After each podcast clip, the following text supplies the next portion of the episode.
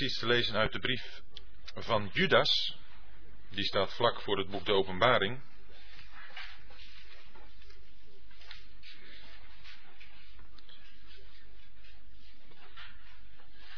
Judas, vers 20.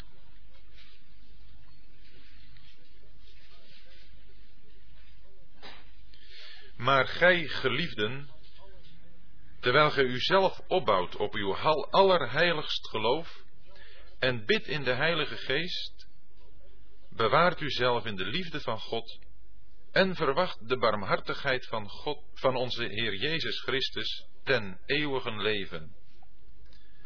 En dan nog uit Lucas 10.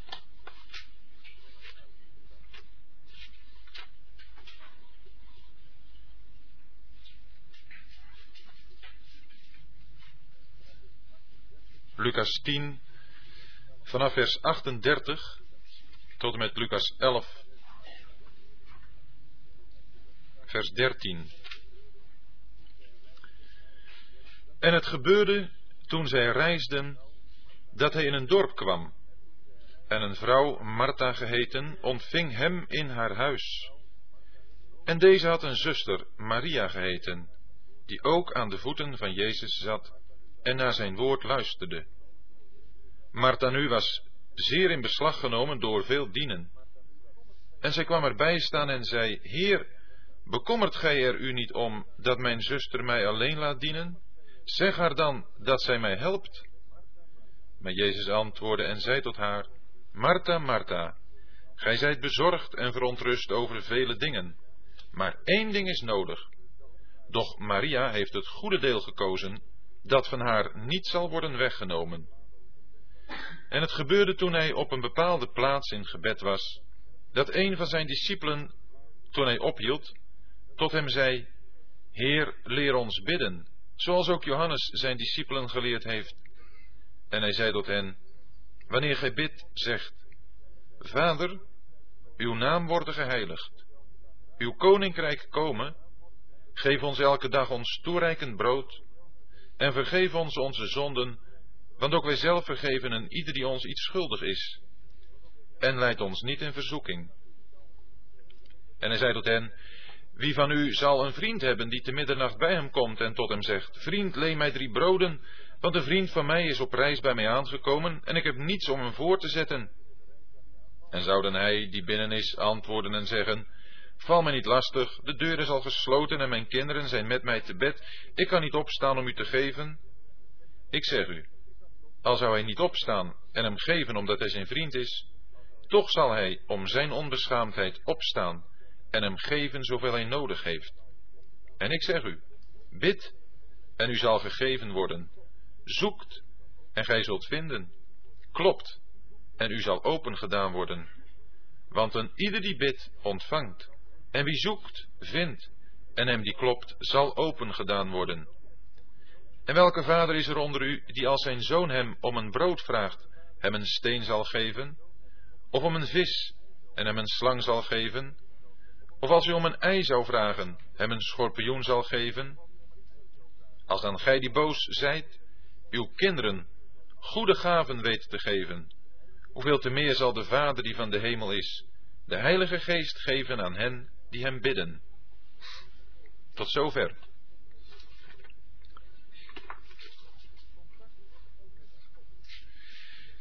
Contact met God.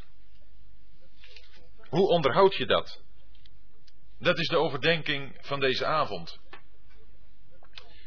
Het zou een hele korte overdenking kunnen worden, want ik zou me kunnen voorstellen dat we met elkaar dat kinderliedje zingen. Lees je Bijbel, bid elke dag. En dat we dan naar huis gaan, want in wezen komt het daar vanavond op neer. Dat we het contact met God onderhouden door het lezen in de Bijbel, het woord van God en ook het gebed. Waarbij het woord van God tot ons gesproken wordt en het gebed van ons uit tot God gaat. Want contact is toch altijd iets wederkerigs. Er zijn in de wereld genoeg mogelijkheden om met elkaar contact te hebben. We kunnen brieven schrijven, bijvoorbeeld. Maar iemand heeft met woord en gebed, het is zo vergeleken, dat het woord is de koptelefoon en het gebed is de microfoon. Zo kunnen wij met God communiceren. Kunnen wij God de dingen bekendmaken en kan Hij ons zijn antwoorden geven. En er zijn geen middelen die groter zijn, die door God aan ons gegeven zijn dan deze. Ook geen middelen die meer veronachtzaamd worden dan deze, helaas. En het is Judas die in zijn brief ons daar, in de versen die we gelezen hebben, weer eens op wil wijzen. Judas is de brief vlak voor het boek De Openbaring. Het zegt iets van de plaats die hij in de geschiedenis van Gods wegen hier op aarde inneemt. Want het boek De Openbaring, dat is de vervulling van al Gods wegen hier op aarde. Daarin zien we de Heer Jezus Christus terugkomen naar deze wereld. Om hier op aarde orde op zaken te stellen. Om die heerlijke regering van vrede en gerechtigheid aan te vangen. Maar dan nadat hij zijn oordelen heeft uitgeoefend en deze wereld gereinigd is van de ongerechtigheid. Maar hoe dichter wij naar dat moment toe gaan, des te meer ook zien wij een tegenkracht werkzaam. Een tegenkracht die alles in het werk zal stellen, omdat wat nu op aarde godsdienstig beleid te zijn, steeds meer in de afval weg te drukken. En dat is nu de brief van Judas. Judas, hij schrijft het in de eerste vers van zijn brief, heeft het in zijn hart gehad om te schrijven over het gemeenschappelijk heil. Want wat is er nou prachtiger dan om met elkaar te praten over de fijne dingen die we hebben in de Heer Jezus. En dat is ook heel goed. Maar zegt Judas, ik ben genoodzaakt geworden om jullie te schrijven om te strijden. Om te strijden voor het geloof dat eenmaal aan de heiligen is overgeleverd. Want er is een strijd, een machtsstrijd, nu gaande, om wat ons aan het geloof, dat is de geloofsinhoud, de geloofswaarheid die ons door God is meegedeeld, de christelijke waarheid wel te verstaan, om die ons te ontfutselen en op allerlei wijze aan onze vingers te onttrekken, uit onze harten weg te nemen.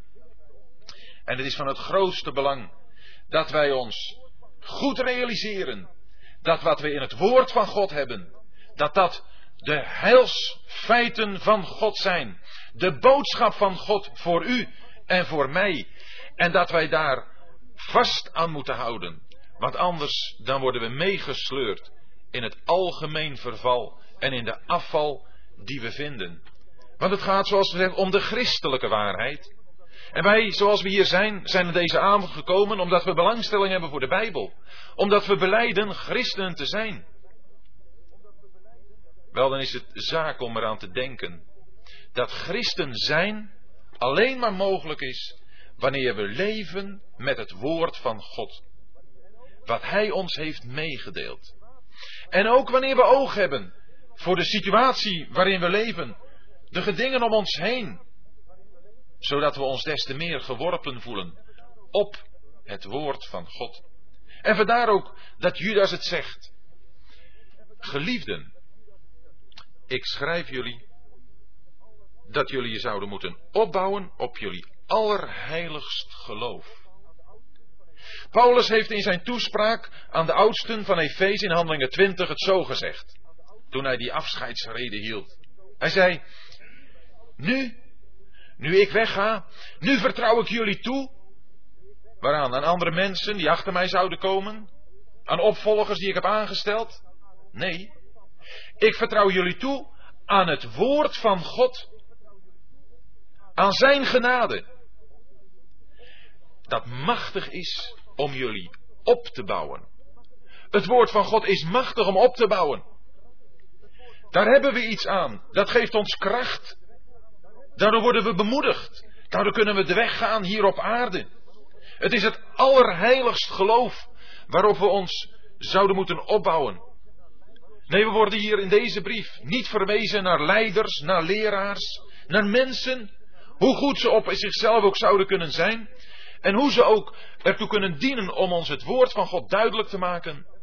Maar waar het ons om gaat, en het is ook voor u vanavond van het grootste belang, dat u uzelf opbouwt op uw allerheiligst geloof.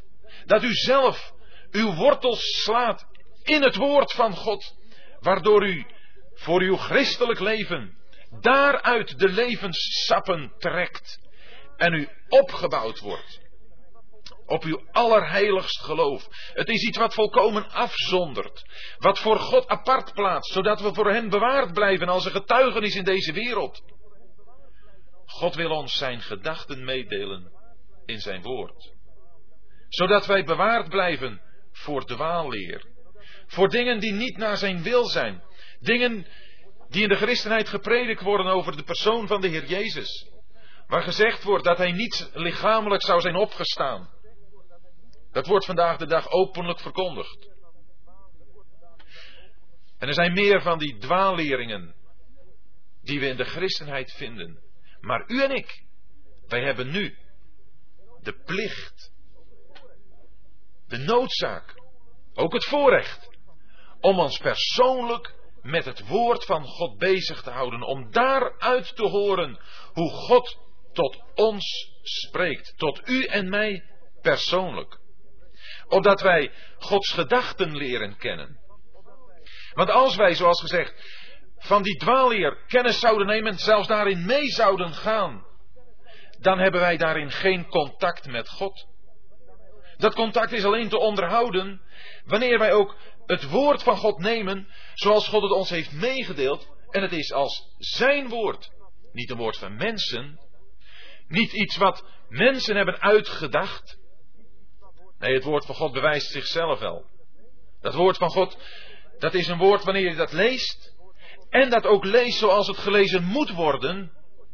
In onderworpenheid, in het bewustzijn dat God tot je spreekt. Dan is dat een woord wat zichzelf bewijst.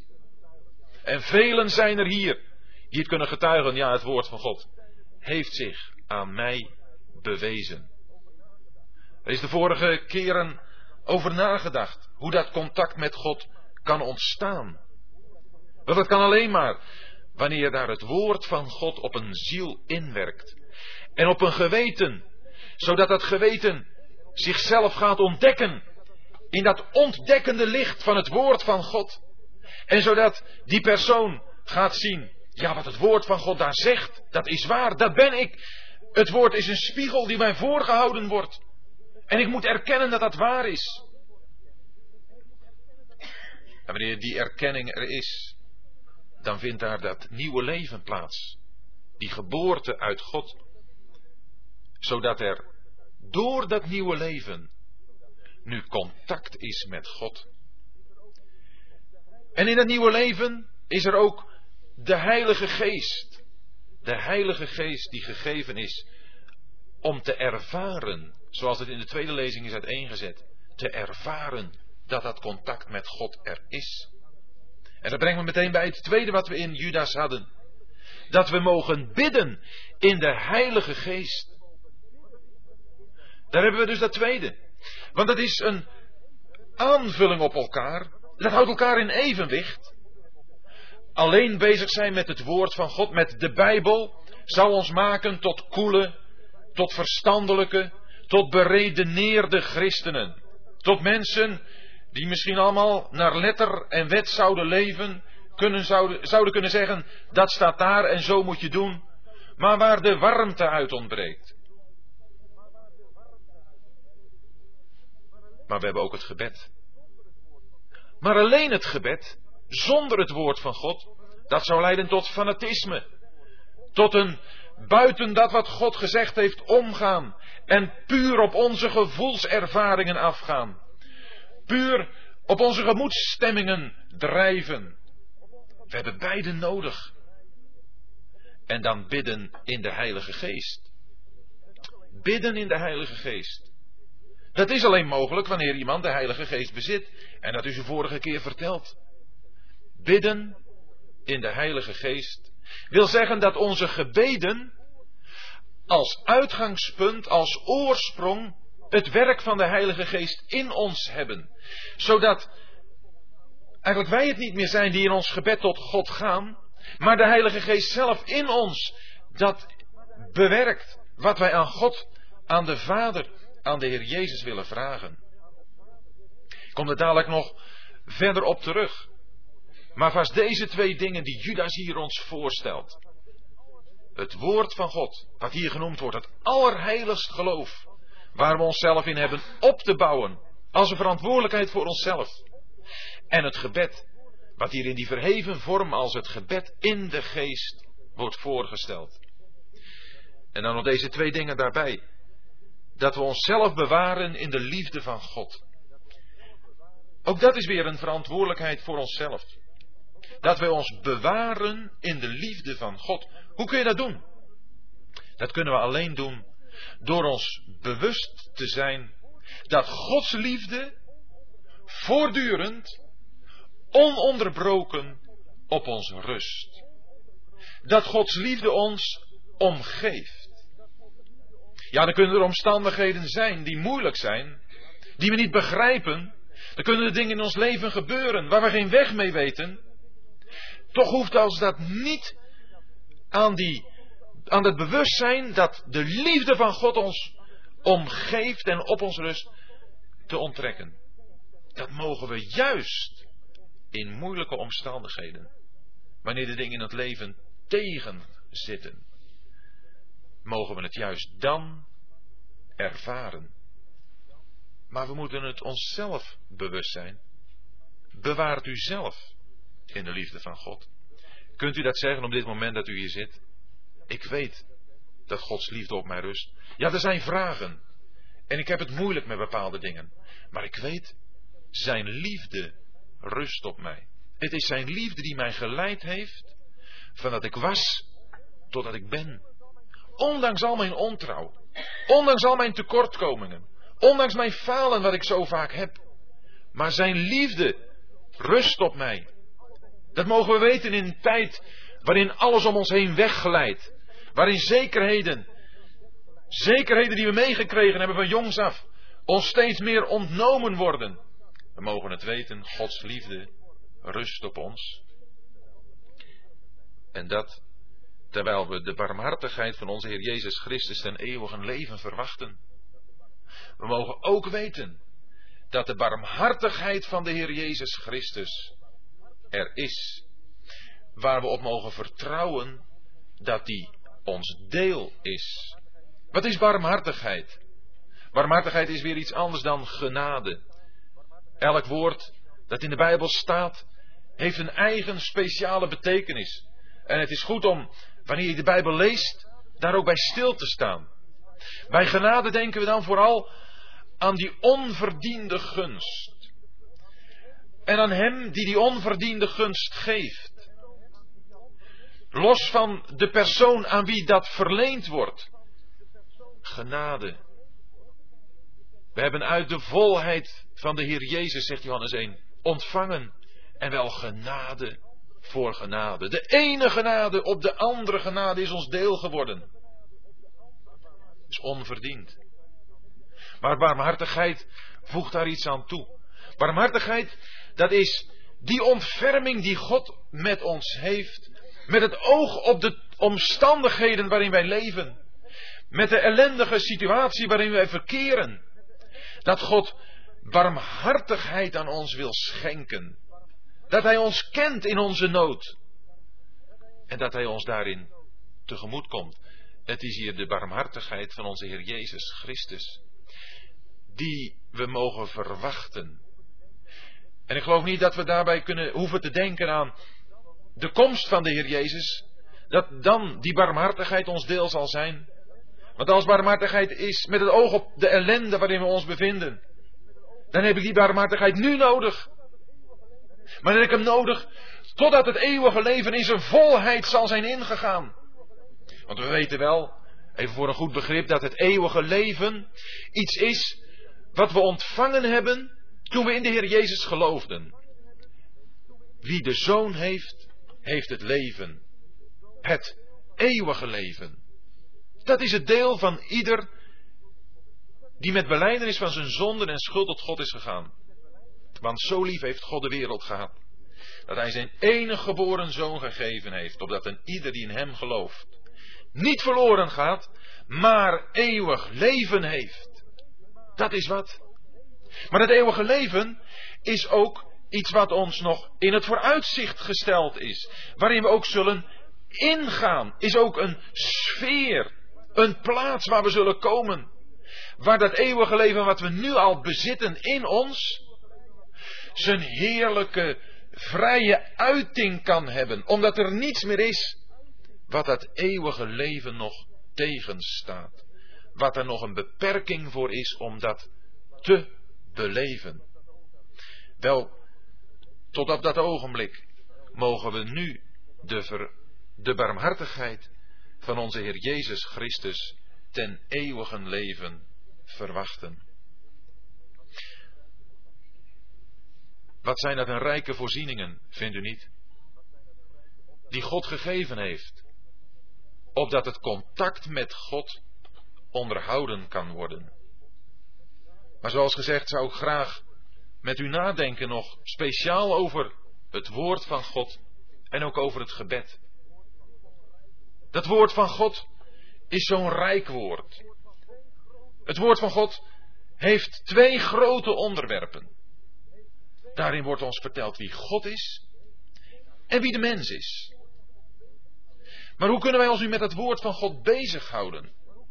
Hoe kunnen wij daarin lezen? Als niet eerst onze ogen voor dat woord geopend zijn. Wel, daar kunnen we elkaar bij helpen. Weet u niet die geschiedenis van die kamerling in Handelingen 8? Die zat daar op die wagen, was terug uit Jeruzalem op weg naar zijn land, de profeet Jezaja te lezen. En dan las hij dat prachtige gedeelte, daar was hij aan toegekomen, al een heel stuk gelezen dus, was hij aan toegekomen. En dan las hij het. Als een schaap werd hij ter slachting geleid. En als een schaap dat stom is voor hem die het scheert, zodat hij zijn mond niet open. En op dat moment komt Filippus daarbij. En Filippus, die wordt daar op de wagen genodigd. En Filippus zegt, versta je wel wat je leest? Toen zei deze kamerling, hoe zou ik dat kunnen, als niet iemand mij onderricht? En dan lezen we dat woord. En van die schriftplaats uitgaande verkondigde hij hem Jezus. We hebben dus gaven, we hebben mensen, we hebben gelovigen die ons kunnen helpen om het woord van God beter te begrijpen. Er is nooit een gelovige, er is nooit iemand die een christen is, die op eigen houtje zich de waarheid van het woord van God kan eigen maken. Daar zijn de gaven voor gegeven. In Efeze 4 lezen we erover dat de Heer Jezus, als de verheerlijkte mens in de hemel, aan zijn gemeente gaven heeft gegeven. Evangelisten, herders, leraars. En zij zijn ervoor om de heiligen, de gelovigen, te volmaken. Om hen bij te brengen wat het woord van God betekent. En er is natuurlijk, zoals er gezegd, in de eerste plaats de Heilige Geest zelf. Die in ons wil werken en onze ogen wil openen voor wat we in het woord van God lezen aan Gods gedachten. Want gaven zijn er, gelukkig. En zoals gezegd, we kunnen onmogelijk Gods waarheid leren kennen zonder gebruik te maken van die gaven. Ik zeg niet dat God niet vrijmachtig kan werken, maar dat is de normale manier waarop de Heer werkt. Daarvoor heeft Hij ze gegeven. Maar toch is het altijd beperkt. In die zin ook beperkt dat u persoonlijk zult moeten onderzoeken in de Bijbel dat of wat zij zeggen waar is. Dat was die betere gezindheid van de Bereërs in Handelingen 17. Toen Paulus daar geweest was en gepredikt had, toen waren de Joden uit Thessalonica of uit Berea waren edeler dan die van Thessalonica, omdat zij dagelijks de schriften onderzochten om te zien of deze dingen zo waren. Verstaat gij wat geleest? Dan mogen we daar dankbaar gebruik van maken van gaven die de Heer geeft. Maar zullen we ons persoonlijk met de schriften moeten bezighouden. Een tweede zaak is, wat de Heer Jezus in Lucas 10 zegt tegen een wetgeleerde. Dat is een vraag van, hoe lees je? Dat is ook heel belangrijk. Hoe lees je? Lees je echt onbevooroordeeld? Of lezen we de Bijbel met een bepaalde bril op? Dat is heel moeilijk hoor, om de Bijbel zonder een bepaalde bril op te lezen. Om te lezen zonder dat je je beïnvloed weet door meningen van anderen. En toch is dat de vraag. Aan u, aan mij. Hoe lezen wij? Dat ziet op de gezindheid van ons lezen. Op de instelling bij ons lezen. Want wanneer wij in het woord van God lezen, zullen we dat moeten lezen in de gezindheid dat God tot mij spreekt. En dat ik bereid ben om wat God tot mij zegt te doen. Onvoorwaardelijk. Ben ik daartoe bereid? Ja, die wetgeleerde had een prachtig antwoord op wat de Heer zei. Die wist het wel wat er stond. Maar met een antwoord alleen ben je er niet. We kunnen nog zoveel weten, nog zoveel uit de schrift kennen. Maar de vraag hoe lees je, is toch heel erg belangrijk. En dan is er nog iets. Als we het over het woord van God hebben, dat we de hele Bijbel lezen. Ik heb gehoord van iemand, die las thuis maar niet uit het Oude Testament. Want ach, daar snapt hij zo weinig van. Daar, daar begrepen de kinderen ook niets van. Nee, we moeten ons met het Nieuwe Testament bezighouden. Het is heel opmerkelijk dat de Heer Jezus een aantal keren in het Matthäus-evangelie aan de Joden vraagt: Hebben jullie niet gelezen? Dat was die keer bijvoorbeeld toen de Heer door de korenvelden ging. En zijn discipelen, die plukten aardes aan de honger en ze wreven ze met de handen stuk. Nou, en daar kwamen de fariseeën tegen in opstand, want het gebeurde op de Sabbat. En dat was natuurlijk absoluut verboden. Toen zei de Heer tegen hen, hebt u niet gelezen wat David deed? En zij die bij hem waren, hoe hij op de Sabbat de tempel binnenging en van de toonbroden at, die het niet geoorloofd is te eten dan alleen de priesters? Hebt u niet gelezen? Denkt u dat hij die geschiedenissen niet kenden? Natuurlijk kenden ze die geschiedenissen. Maar ze kenden niet de ware inhoud ervan. Waarom deed David dat? David was toen de verworpen koning. Saul was koning in Israël. En David, de gezalfde, was verworpen en op de vlucht. En dat was in wezen wat er met de Heer Jezus toen aan de hand was. Toen hij door Israël ging. Toen was er een mens op de troon die die troon onrechtmatig beklommen had. Terwijl hij recht had op de troon en hij was hier op aarde een achterna gezetene. Het was alleen omdat Gods tijd nog niet was, dat hij nog vrij kon omwandelen. Het was precies dezelfde tijd. Maar hij heeft zo'n geschiedenis van David een hele belangrijke les voor ons. En zo vinden we het andere keren ook. Dat de Heer zegt, hebt u niet gelezen? Dat het Oude Testament ons helder licht geeft over dingen die we in het Nieuwe Testament vinden. Een illustratie ervan.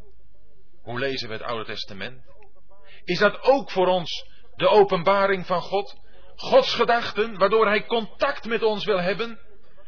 Want Hij heeft ons zijn woord gegeven om contact met ons te hebben. Zou het niet van grote, van, van helemaal totaal geen belangstelling blijk geven wanneer wij een brief kregen van iemand waar we erg veel van hielden, althans dat zeiden, maar die brief zomaar dicht lieten, alsof de inhoud ons niet interesseerde? Wel, dan zouden wij toch ook nog wel kunnen zeggen, misschien ja, maar ik, ik hou wel veel van hem of haar. Terwijl om de inhoud van wat zij of hij schrijft, we ons totaal niet bekommeren, daar geen belangstelling voor hebben. Hebt u niet gelezen Lezen we in de Bijbel? Nemen we dat tot ons dagelijks voedsel? En waar het ook voor belangrijk is, dat is wat de Heer Jezus gezegd heeft tot driemaal toe, toen hij verzocht werd in de woestijn. Er staat geschreven dat wanneer wij de Bijbel kennen, dat we dan de aanvallen van de Satan kunnen afslaan. De Heer Jezus heeft in de woestijn de Satan niet verslagen door als God hem terzijde te stellen, maar door als mens eenvoudig uit de Bijbel te citeren. Heel eenvoudig. Als om daarmee een voorbeeld te geven aan u en mij, hoe ook wij, de Satan wanneer hij op ons afkomt om ons te verzoeken, kunnen weerstaan. Door te zeggen, er staat geschreven, zodat het contact met God gehandhaafd blijft. Want de Heer Jezus deed niets buiten wat God hem zei. Mijn spijze is dat ik de wil doe van Hem die mij gezonden heeft en zijn werk volbreng. Dat heeft Hij gezegd. En daarom ging hij niet in op de uitnodiging van Satan. Zeg dat deze stenen brood worden. En de Heer zei, er staat geschreven, de mens zal van brood alleen niet leven, maar van alle woord dat door de mond van God uitgaat. Willen u en ik daardoor leven, door wat uit de mond van God uitgaat? Wat hebben we daarin een groot voorrecht? Het woord van God in onze handen te hebben. Dat met grote eerbied weliswaar te openen, maar het toch met grote belangstelling te lezen en bewondering. De eh, mensen van de islam, de Mohammedanen, daar hoorde ik last van, dat wanneer zij de Koran, hun heilig boek, lezen, dat ze daar de grootste eerbied mee betrachten. En ook als ze het dicht laten, dan moet het niet gewaagd worden om het zomaar op de grond te leggen. Iemand die dat doet, die krijgt een flink pak slaag. En wat springen wij christenen toch vaak slordig met de Bijbel om? Niet alleen inhoudelijk, maar gewoon in het algemeen. Het is een boek onder de boeken. En het wordt steeds populairder gemaakt. Het is ook goed dat het binnen ieders bereik komt. Maar laten we nooit vergeten dat het woord van God het woord van God is. Van die hoogheilige verhevene die zich verwaardigd heeft tot ons te spreken en ons zijn gedachten mee te delen.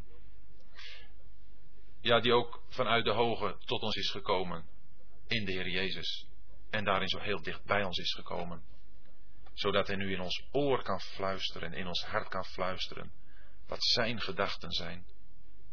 Hebben we daarin niet een geweldige bemoediging van hem gekregen, zodat we ons leven hier op aarde kunnen leven tot zijn eer?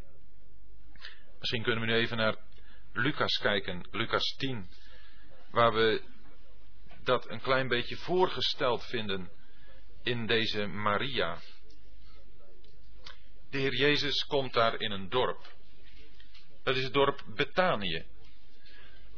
Betanië wordt genoemd in Johannes, Johannes 11 meen ik, het dorp van Maria en Martha.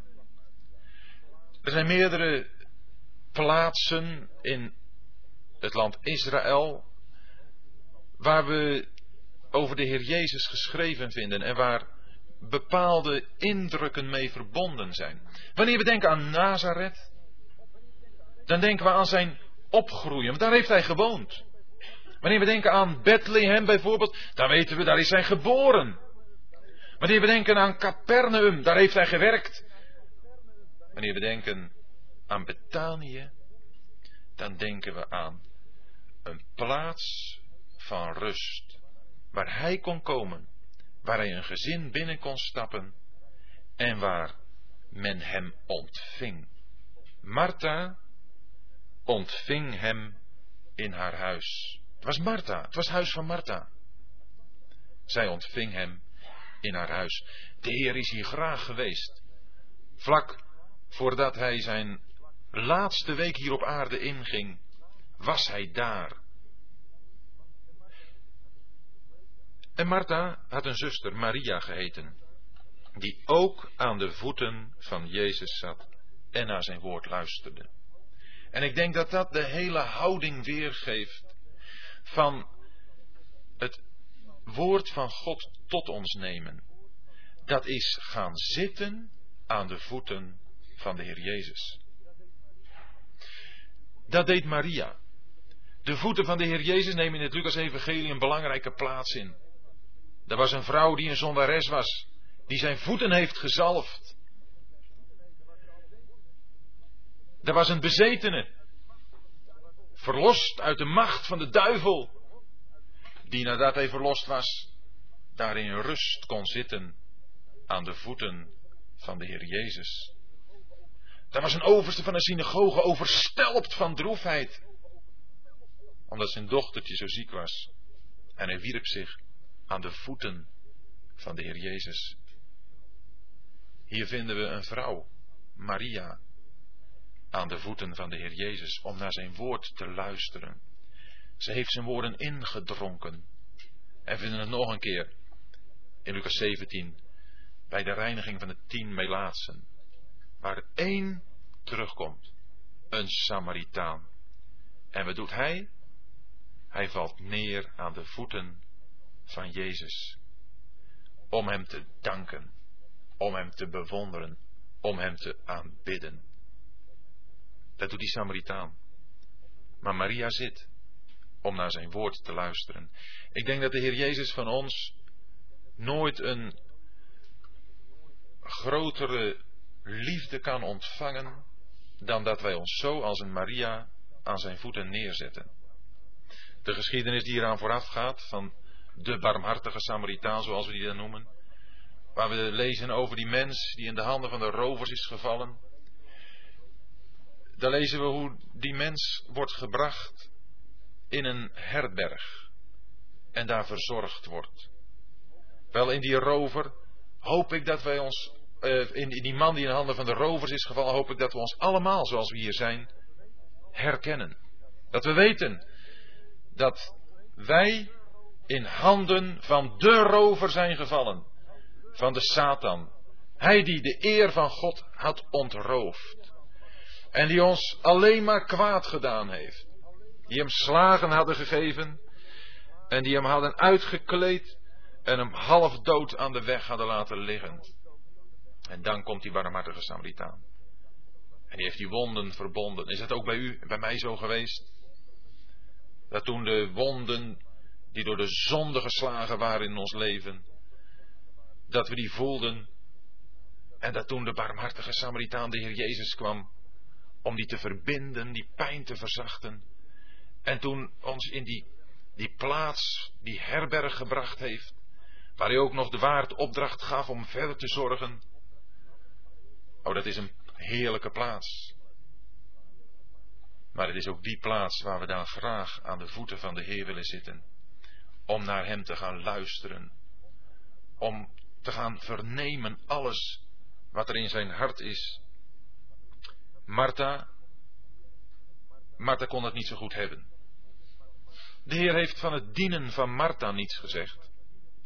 Het was goed dat Martha diende. Maar de Heer zegt iets van de bemoeizucht van Martha.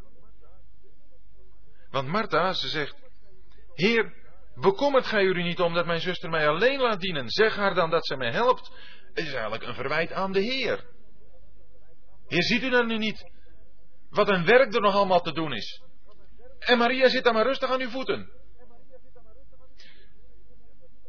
Nu hebben we in vers 39 een klein woordje, wat erop wijst dat Maria niet alleen aan de voeten van de Heer zat, maar ook hielp. Daar staat in vers 39, en deze had een zuster, Maria geheten, die ook aan de voeten van de Heer Jezus zat. Staat misschien niet in elke vertaling, maar het behoort er wel te staan. Die ook aan de voeten van Jezus zat en naar zijn woord luisterde.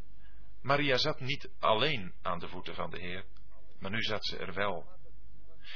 En dat Martha diende was niet verkeerd, maar het was verkeerd dat ze Maria die plaats misgunde en de Heer als het ware ter verantwoording riep. Heer, zeg het toch eens dat ze ook een beetje meewerkt. En dan Antwoord de Heer, Martha, Martha, gij zijt bezorgd en verontrust over vele dingen. Maar één ding is nodig. Doch Maria heeft het goede deel gekozen dat van haar niet zal worden weggenomen. Ziet u? Dat is dat ene ding wat nodig is. Zijn er niet meer dingen nodig? Oh, zijn er een heleboel dingen nodig. Maar die komen allemaal voort uit dit ene ding. Elke activiteit moet hieruit voortkomen. Uit het zitten aan de voeten van de Heer. Dat is het ene ding wat nodig is. Eén ding heb ik van de Heere gevraagd. Dit zoek ik. Te verblijven in het huis des Heeren. En te onderzoeken in zijn tempel. Dat was wat de psalmist zei in Psalm 27. Hebben wij ook dat ene ding in ons hart? Echt, het gaat om dat ene. Het, het andere is alleen maar een uitvloeisel daarvan. En in hoeverre durven we hier eerlijk te zijn voor onszelf? Ben ik het voor mezelf? Dat het het ene ding is wat ik zoek. Zitten aan zijn voeten. Luisteren naar zijn stem. Om te vernemen wat er in zijn hart is. In zijn hart is over hemzelf, over zijn vader, maar ook over mijn werk hier op aarde, mijn dienst die ik voor hem mag doen en die u voor hem mag doen. En dat zitten aan zijn voeten, dat zal een resultaat hebben. In die zin, daar vloeit gebed uit voort. We hebben daarover gelezen in Lucas 11. In Lucas vinden we niet een chronologische volgorde van de gebeurtenissen. Daar vinden we niet de gebeurtenissen zoals ze opeenvolgend na elkaar hebben plaatsgevonden. Lucas, die grijpt dus een hier een gebeurtenis weg en daar een gebeurtenis weg en plaatst die bij elkaar. Met een bepaald doel. Dat doel hebben we hier ook zo schitterend geïllustreerd. Hier is die geschiedenis van Maria aan de voeten van de Heer. En direct daarop volgend vinden we de vraag van de discipelen aan de Heer Jezus. Heer, leer ons bidden. Weer het evenwicht. Het woord van God en het gebed. Dat gebed wat ook in het Lucas-evangelie weer zo'n grote plaats inneemt. Want ook hierin is de Heer Jezus weer het grote voorbeeld. Zeven keer lezen we in het Lucas-evangelie dat de Heer Jezus in gebed was. Zeven keer. Eigenlijk acht keer. De achtste keer is op het kruis. Daar heeft hij het gebeden, Vader, vergeef het hun, want ze weten niet wat ze doen. Maar de Heer heeft gebeden. En terwijl hij zo hier aan het bidden is, dan komen daar zijn discipelen. En als hij ophoudt met bidden, zeggen zij tot hem, Heer, leer ons bidden. En ik hoop dat het ook een wens is van ons hart. Een vraag naar Hem toe. Heer, leer ons bidden. Want is het niet zo dat het gebed iets is wat nog minder betracht wordt, nog minder beoefend wordt dan het lezen? Het lezen, dat kunnen we dan nog wel eens doen. Maar het bidden. Toen in Handelingen 6 de apostelen zagen dat ze te veel tijd gaven aan het bedienen van de tafels, ofwel het beheren van de gelden die ingezameld waren en om die een goede bestemming te geven. Toen zeiden ze, het is niet goed dat wij dat doen, maar we willen ons wijden, ons toeleggen op het gebed en het woord van God. Nooit zal een woord van God gesproken kunnen worden, een dienst in het woord gedaan kunnen worden, als daar niet gebed aan vooraf is gegaan. Het gebed is zo ontzettend belangrijk. En laten we eerlijk zijn.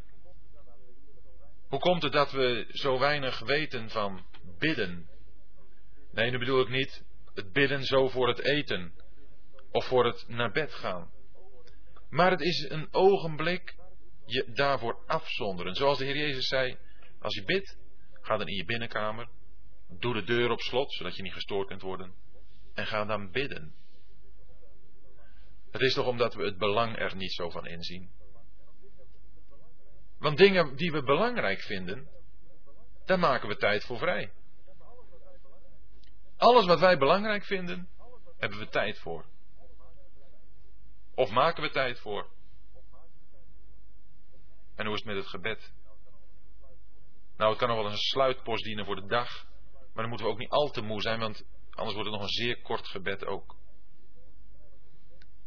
Terwijl het gebed zo'n machtig middel is. Zoiets geweldigs. Waardoor je tot het hart van God kunt naderen met alles wat er is. En waardoor de arm van God in beweging gezet wordt.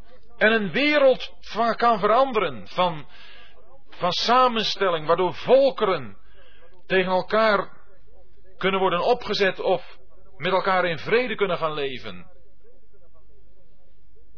Het gebed is zoiets machtigs. Ik denk dat we daar geen besef van hebben. En dat we het daarom zo weinig beoefenen. Het is zo heel eenvoudig. Een kind bidt. Maar ook de geleerde, de man van wetenschap, hij bidt. Het is ook zo, zo heel klein, zo gewoon. Maar het is ook waarvan we voelen, de Heer legt die op ons hart en daar gaan we voor bidden. Bidden dat die situatie verandert. Of dat hij of zij tot geloof komt. Of dat hij of zij meer van de waarheid leert kennen. Meer in trouw, in gehoorzaamheid aan God zijn weg gaat. En doen we dat volhardend? Kunnen we daarin leven? Bidden moet je je oefenen. Dat is niet iets wat je zomaar leert, maar is een oefening. Maar dat kun je ook altijd doen. Altijd biddende. Daarvan staat, van de Heer Jezus staat het. Ik was steeds gebed. Dat was zijn hele leven. Dat was een leven van afhankelijkheid. Bidden is afhankelijk zijn en vertrouwen. Het is zo'n relatie met God, met de Vader, van intimiteit, van vertrouwelijke omgang. Dat je hem alles vertelt. Dat we eigenlijk ertoe zouden moeten komen dat we niets doen zonder dat we van hem het hebben gevraagd. Dat we eerst naar hem hebben gekeken. Je weet wel van die goed afgerichte honden, die zo afgericht zijn dat wanneer ze een bepaalde prooi zien, ze eerst, voordat ze daarop afgaan, naar hun baas kijken. En pas wanneer die zegt ja, vliegen ze erachteraan. Is het ook met ons leven zo dat wij pas tot handelen overgaan nadat we eerst de Vader in de ogen hebben gekeken en Hem om toestemming hebben gevraagd? Wel, dat moet een soort automatisme worden. En dat kan het worden. Als we ons ervoor willen inzetten. De discipelen hebben gevraagd, Heer, leer ons bidden. En wat de Heer dan gaat antwoorden, wat we dan wel noemen het zogenaamde Onze Vader, is niet een gebed wat als een formuliergebed gebruikt moet worden. Het is een gebed wat we altijd mogen bidden. Maar ook omdat het scheelt, omdat het verschillend is met wat in Matthäus 6 staat, is het al duidelijk dat het niet een formuliergebed in die zin is maar dat de Heer ons hier bepaalde richtlijnen voor het bidden geeft. De eerste, ik zou er een paar met u willen doornemen. Het eerste is dat de Heer zegt wanneer gij bidt, zegt Vader. Dat is het eerste. Er is de vorige keer aan gedacht dat we, als we geloofd hebben, de geest van zoonschap hebben ontvangen, waardoor wij roepen Abba, Vader. Dat we God mogen kennen als Vader. En dat we in die vertrouwelijkheid nu ons tot de Vader mogen wenden en ons tot Hem mogen richten. Vader, uw naam worden geheiligd. Het eerste wat in onze gebeden aan de orde zou moeten komen, dat is de eer van God. Het gaat in Gods woord altijd eerst om wie Hij is. En dan pas om wie wij zijn. Zijn onze gebeden niet vaak egoïstisch?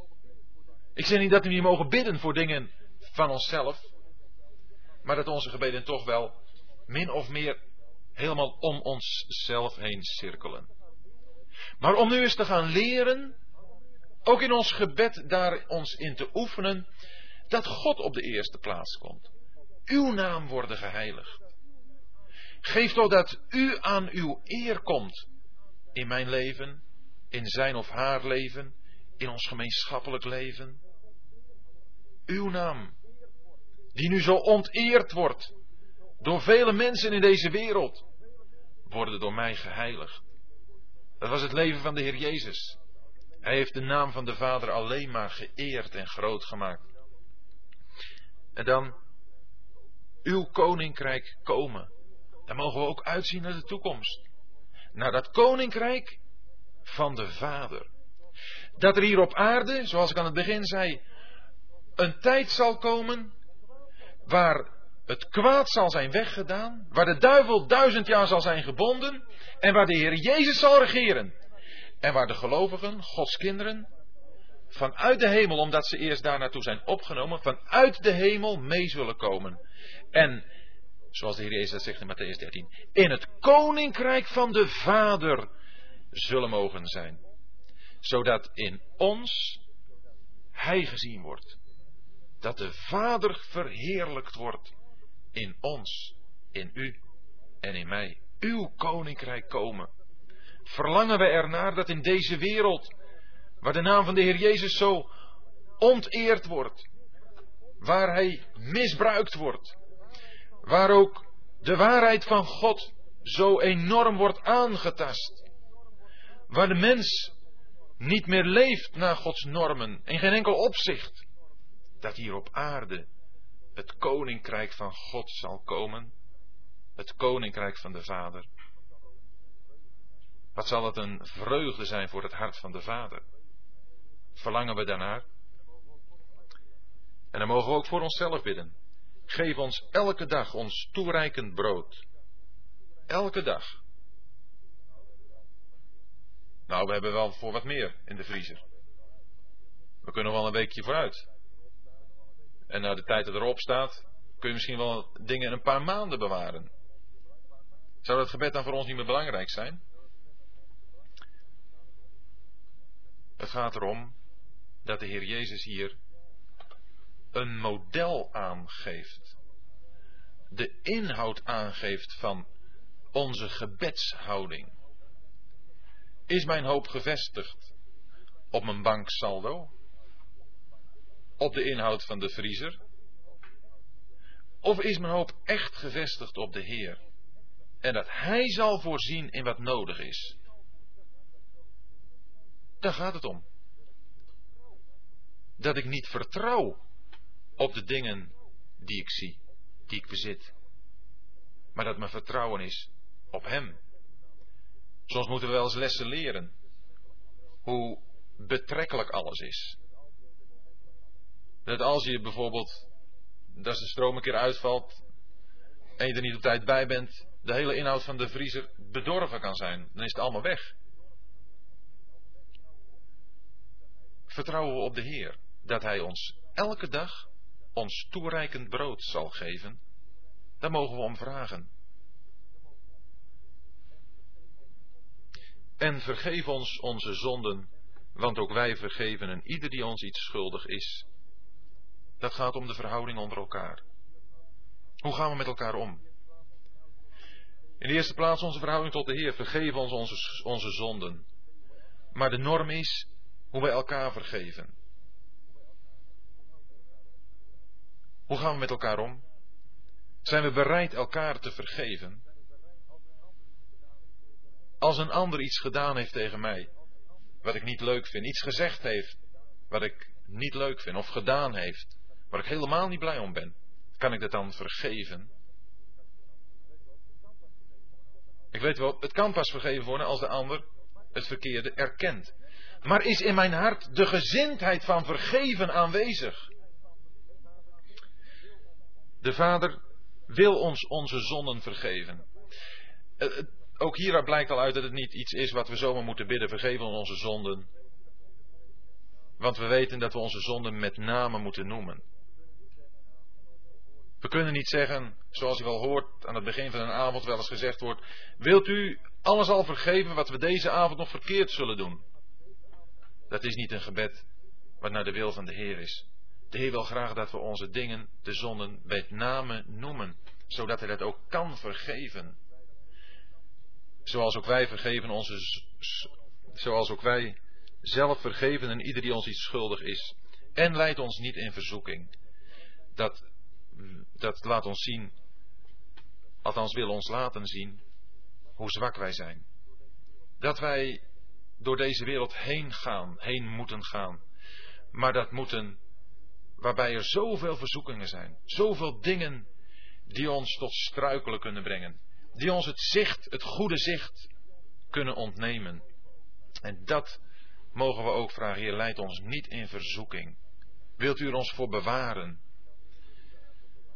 En dan vinden we hoe daar de Heer een paar voorbeelden noemt, hoe we kunnen bidden. Eerst in die man die al naar bed is gegaan en die een vriend aan de deur krijgt en die maar aanhoudt en dan tenslotte geeft hij hem omdat hij onbeschaamd is doorgegaan met vragen.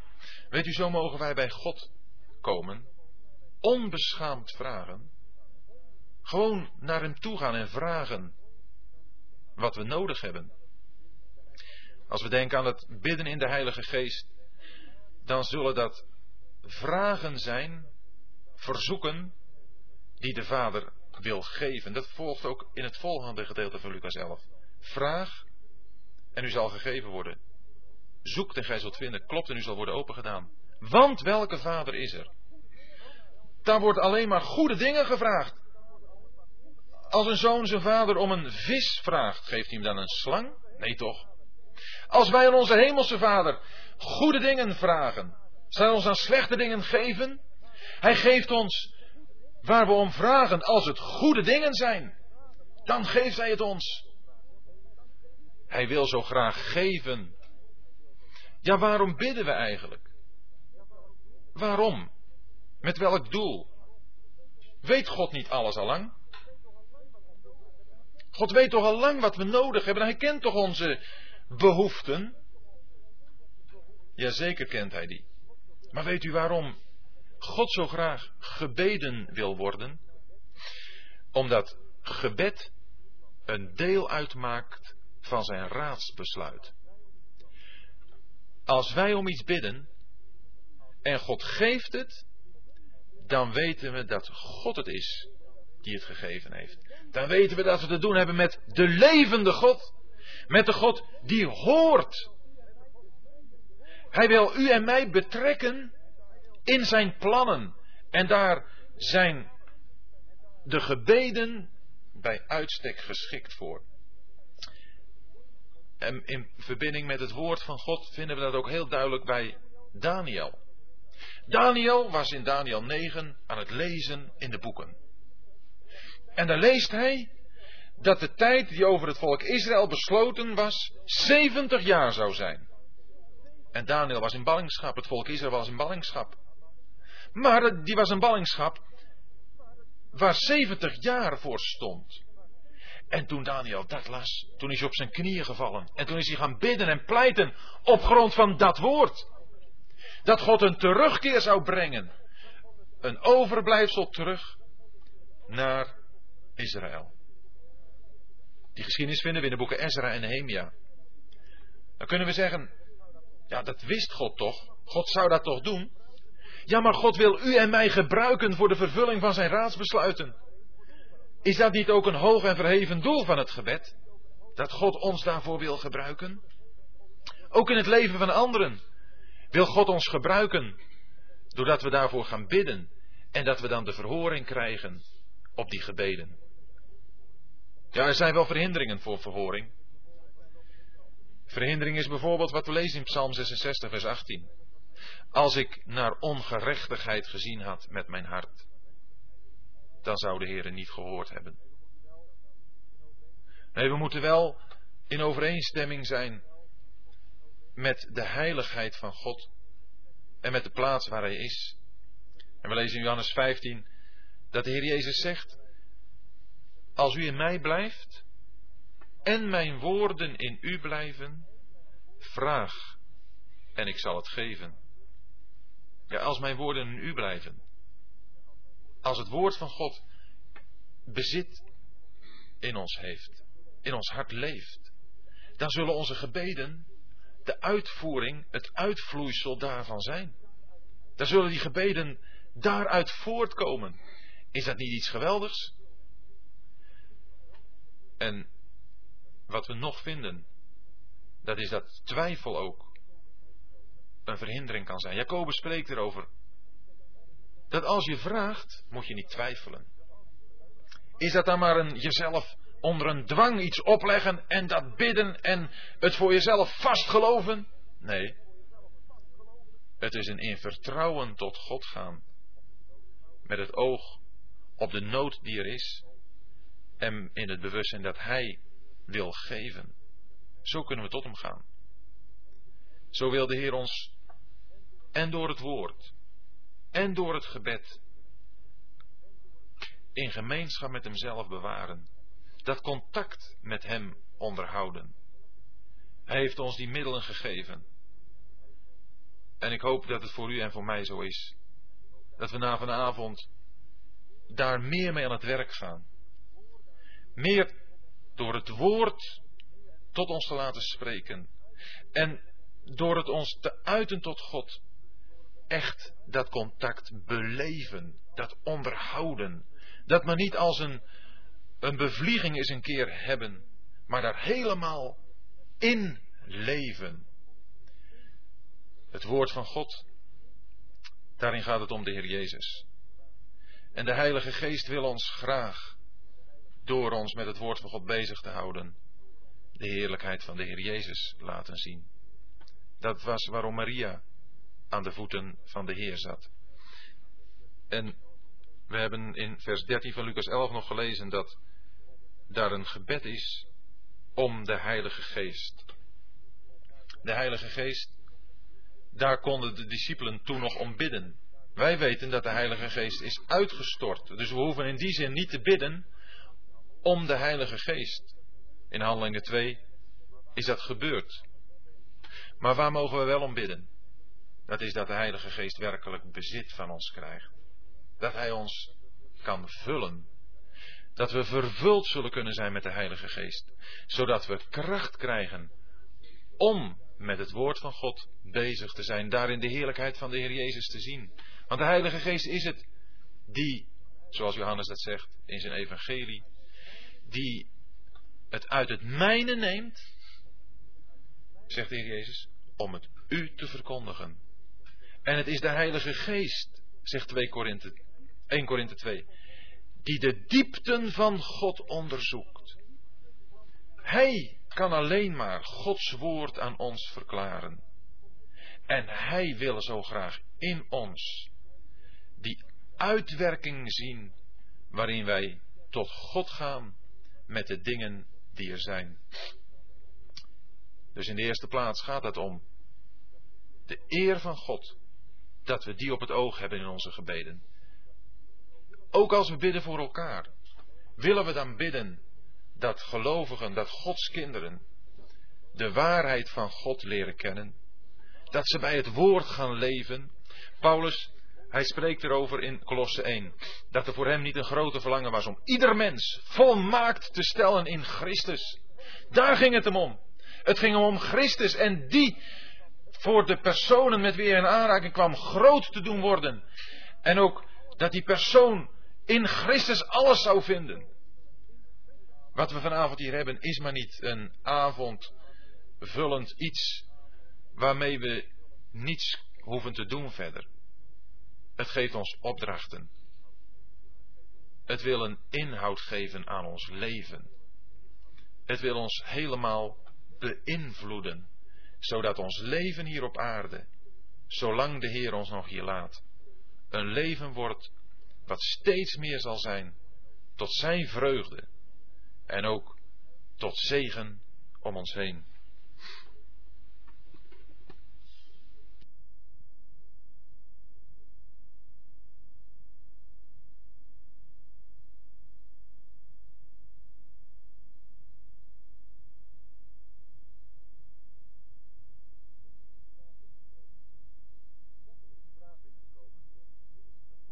Vraag binnengekomen. Een mondelinge, dus er kunnen er nog meer gesteld worden, mondeling. Die betrof een vers uit Lucas 11, zal ik maar even voorlezen. En vergeef ons onze zonden. Want ook wij zelf vergeven ieder die ons iets schuldig is. Er werd gezegd, wij hoeven toch niet meer te bidden om de vergeving van onze zonden, want onze zonden zijn toch vergeven. Dat is natuurlijk waar. Voor zover we onze zonden hebben beleden, toen we zagen dat we voor God niet konden bestaan, toen zijn we met erkenning van onze zonden tot God gegaan. En hebben het gezegd, zoals die tollenaar het in de tempel zei: O God, wees mij, de zondaar, genadig. Staat er heel opmerkelijk: wees mij de zondaar. Die tollenaar was zo overtuigd van zijn eigen verdorvenheid, dat hij als het ware zichzelf als de enige zondaar op aarde voelde. Alsof hij al de zonden die hem waren gedaan had. Ik ben de zondaar. Dat is de eerste keer dat een mens die zonder God en Christus geleefd heeft, een ontmoeting met God heeft. En zo tot God gaat. In 1 Johannes 1 daar staat, als wij onze zonden beleiden, God is getrouw en rechtvaardig om onze zonden te vergeven. Nou, dat mogen we dan ook weten. Dat wanneer we zo tot God gegaan zijn met onze zonden, dat God die zonden vergeeft. Dat is eens voor altijd gebeurd. God ziet de zonden niet meer. Alleen moeten we dit vasthouden, dan gaat het om onze relatie, onze betrekking als schepsel hier op aarde met God onze schepper, van wie wij afgevallen waren door de zonden. Die relatie is hersteld geworden toen wij onze zonden beleden. Toen wij het zeiden, oh God, hier ben ik met mijn hele verloren leven. Toen zijn wij opnieuw geboren zijn wij een nieuwe schepping geworden. En nu ziet God ons ook als nieuwe mensen. Als mensen die met de zonde niets meer te doen hebben. Daarover spreekt de Hebreeënbrief. En daarom is het toch goed om op deze vraag nog wat in te gaan. Was heel belangrijk, ook voor ons praktisch christelijk geloofsleven. Als God nu naar mij kijkt, ik heb het nu dus over God, de drie enige God, de heilige God, nu naar mij kijkt, dan ziet hij in mij geen zonden meer. Waarom niet?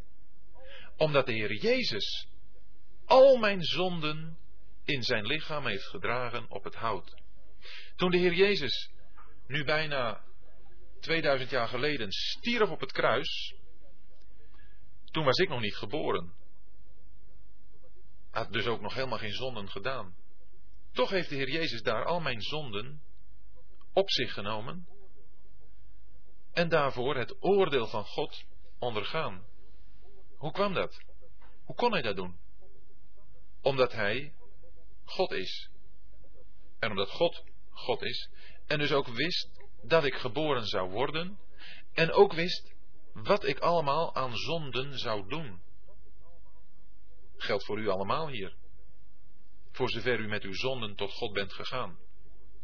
U was er niet bij. U was er niet geboren. Maar welke zonden betreft het dan? Betreft het die zonden die ik gedaan heb tot het moment van mijn bekering? Tot het moment dat ik zei tegen God: O God, wees mij zondaar genadig? Nee. Gelukkig niet. Want ook daarna heb ik nog zonden gedaan.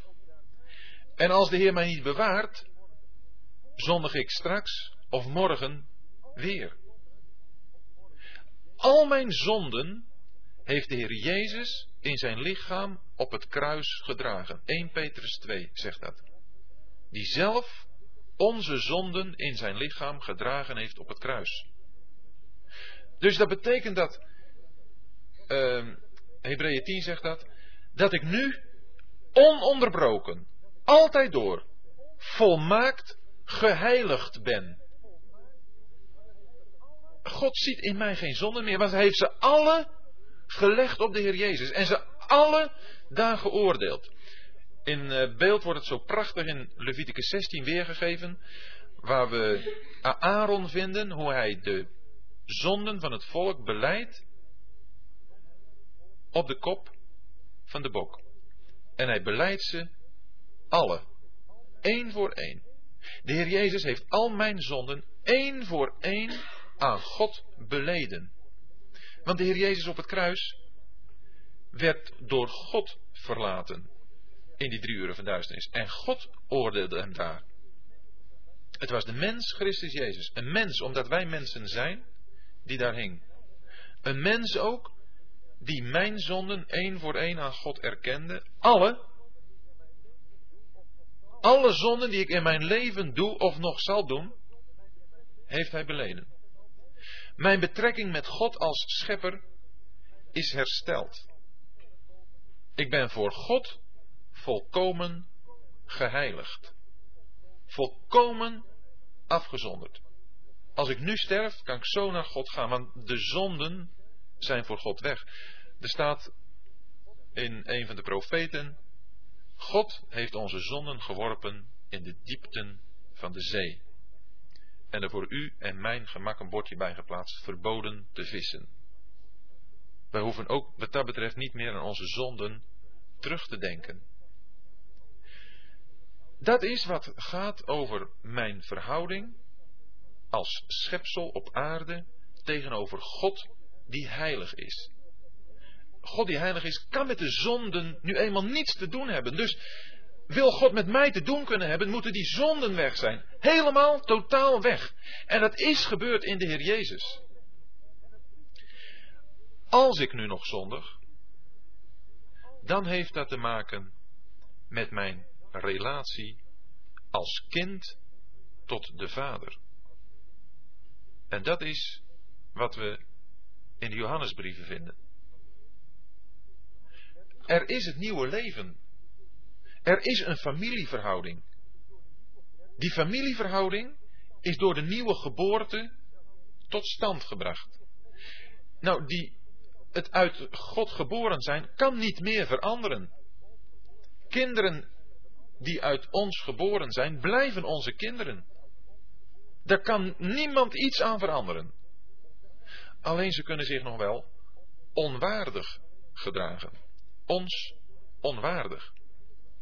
En dan zullen ze met het verkeerde wat ze gedaan hebben naar ons toe moeten komen en dat moeten erkennen.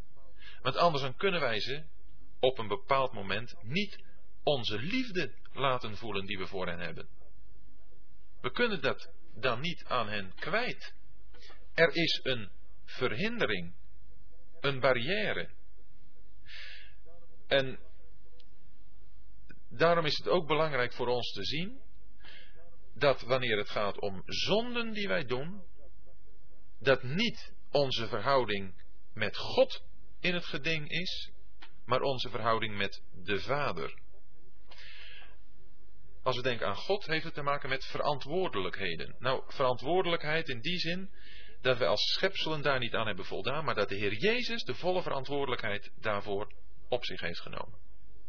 De Vader heeft te maken met voorrechten, met liefde. En zo zegt de Heer Jezus hier ook, en daar gaat hij vanuit, dat zijn discipelen zeggen, Vader. Vader, uw naam wordt geheiligd. Dat is dus de betrekking waarop de discipelen hier geplaatst worden met hun vader. En vanuit die betrekking, zegt de Heer, moeten jullie ook bidden, vergeef ons onze zonden. Want wij kunnen nog wel zondigen. En als we zondigen, moeten we dat beleiden. Alleen, en daar is de vraag ook een beetje mee verbonden, wij hoeven niet te vragen om vergeving. Dat staat nergens. De zonden als zodanig zijn vergeven. Omdat God ze alle geoordeeld heeft. Ze alle weggedaan heeft. Maar ik moet ze beleiden. Ik van mijn kant moet de weg naar de Vader weer ruim weer vrijmaken. We hopen daar in een volgende lezing op terug te komen. Dat contact met God. Hoe herstel je dat indien nodig? Als dat verbroken is. Nou hebben we nu al een klein voorschot opgenomen dan. Maar dat is heel erg belangrijk. Dat beleidenis van onze kant, de baan weer vrij maakt, waardoor God ons weer zijn liefde kan laten voelen. Zijn liefde aan ons kwijt kan. Dat is door de zonde gebeurd. En vandaar ook dat de discipel hier geleerd wordt te bidden en vergeef ons onze zonden. En nog eens een keer, dus niet dat wij hoeven te bidden om vergeving, alsof we maar moeten afwachten. Hè? Nee, wij hebben te beleiden. Maar dan in de zin van dat we weten, het is ons vergeven. Wanneer wij op een andere wijze dat zouden gaan bezien, dan zouden we heel lichtvaardig worden. Want dan weten we nou, alles onder zijn ons vergeven. Wat kan ons nog gebeuren? Nou, dan kunnen we toch maar raak leven. Wat is allemaal gebeurd? Alles wat ik doe, is allemaal gebeurd. Op het kruis, daar heeft Christus alles weggedaan. Als we zo zouden gaan leven, zouden we lichtvaardig leven. Maar zouden we ook, denk ik, een dik vraagteken achter ons christen zijn kunnen zetten. Want een christen, iemand die de Heer Jezus lief heeft, verlangt ernaar om alleen maar te doen wat hem wel behagelijk is. En zal, als hij gezondigd heeft, daar verdriet over hebben. En het willen beleiden, zodat het weer weg is. Net zoals een kind niet gelukkig kan zijn in het huisgezin van zijn ouders, als hij iets gedaan heeft waarvan hij weet, daar zijn vader en moeder verdrietig om. Nou, dan moeten ze dat erkennen, moeten ze dat beleiden. En dan weten we dat het weg is. Dat wil zeggen dat de baan, de ruimte er is om onze liefde aan hen weer kwijt te kunnen. Psalm 130, vers 4.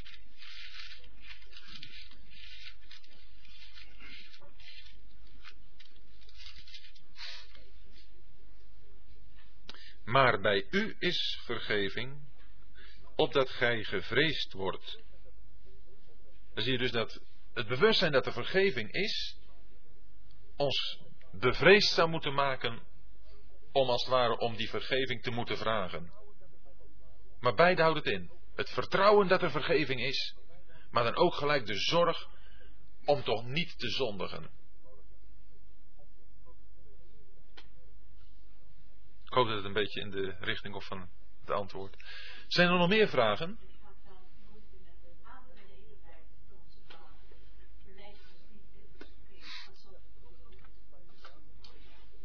Ja, dat is ook een uh, fijne vraag om nog even op in te gaan.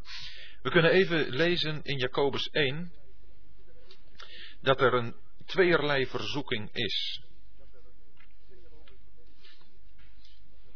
Jacobus 1.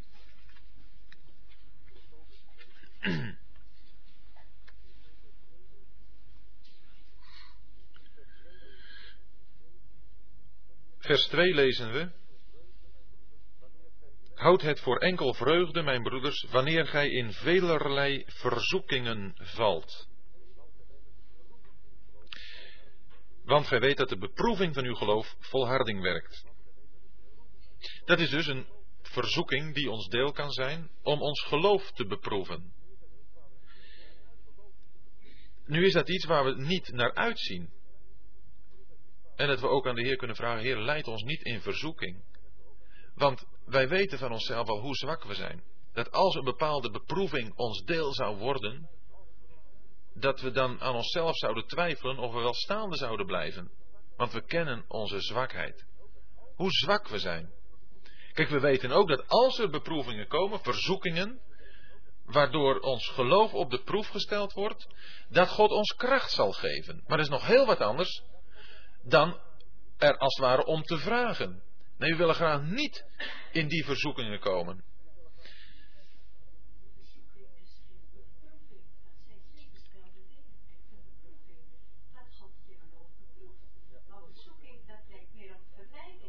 Ja, en toch wordt het woord in twee zinnen gebruikt, want ik zal u dat andere nu voorlezen uit Jacobus 1, vers 13.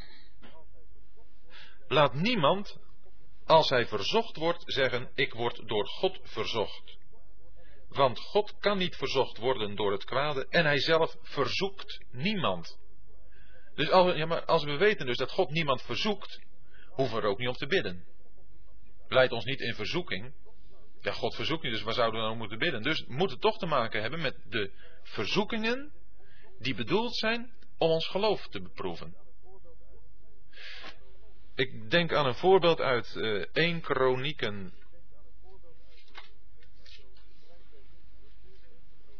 Waar we dat een klein beetje in terugvinden. 1 Kronieken 4.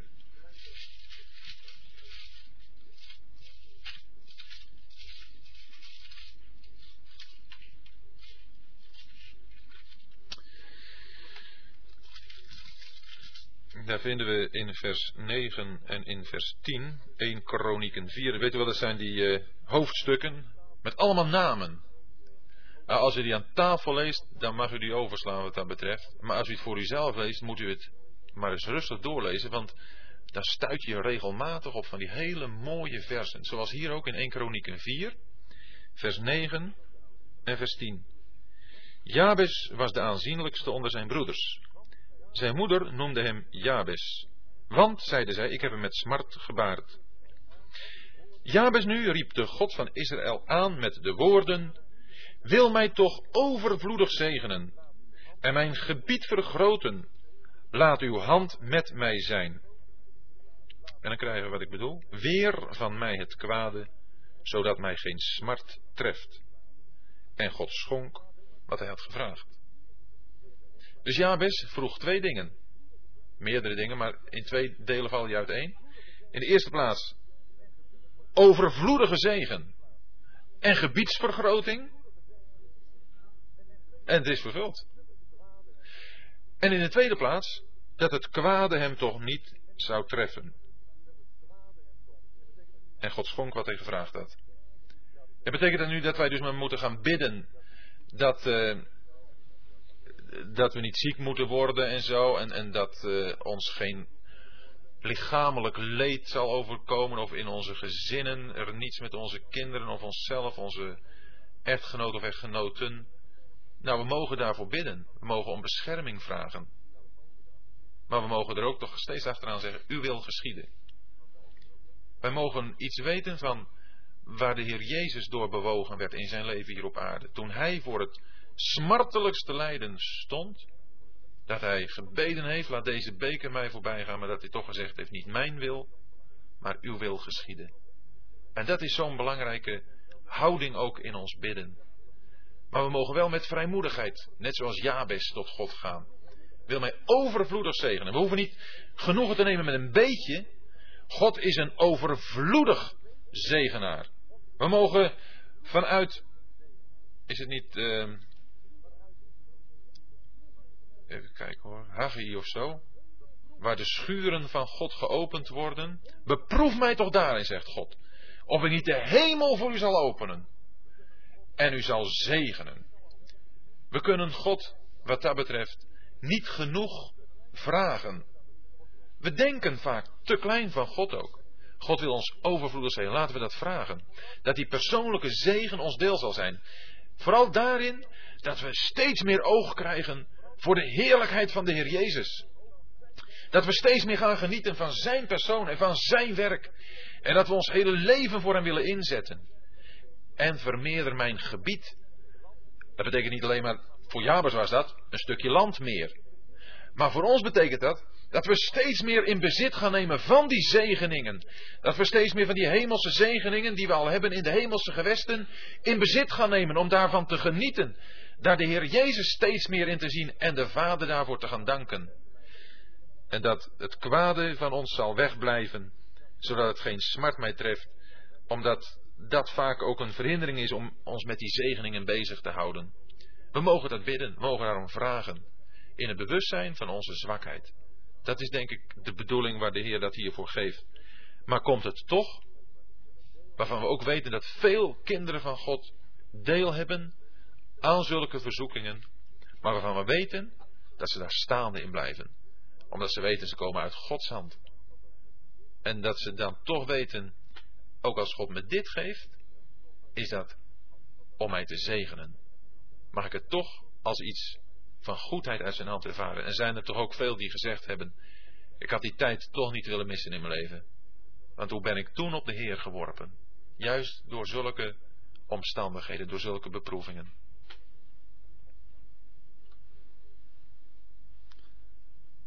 Zijn er nog meer vragen?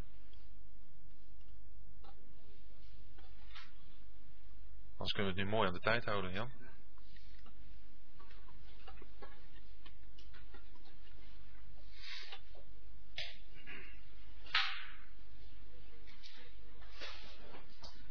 Zodat we, voordat we met elkaar nog zingen van lied 19.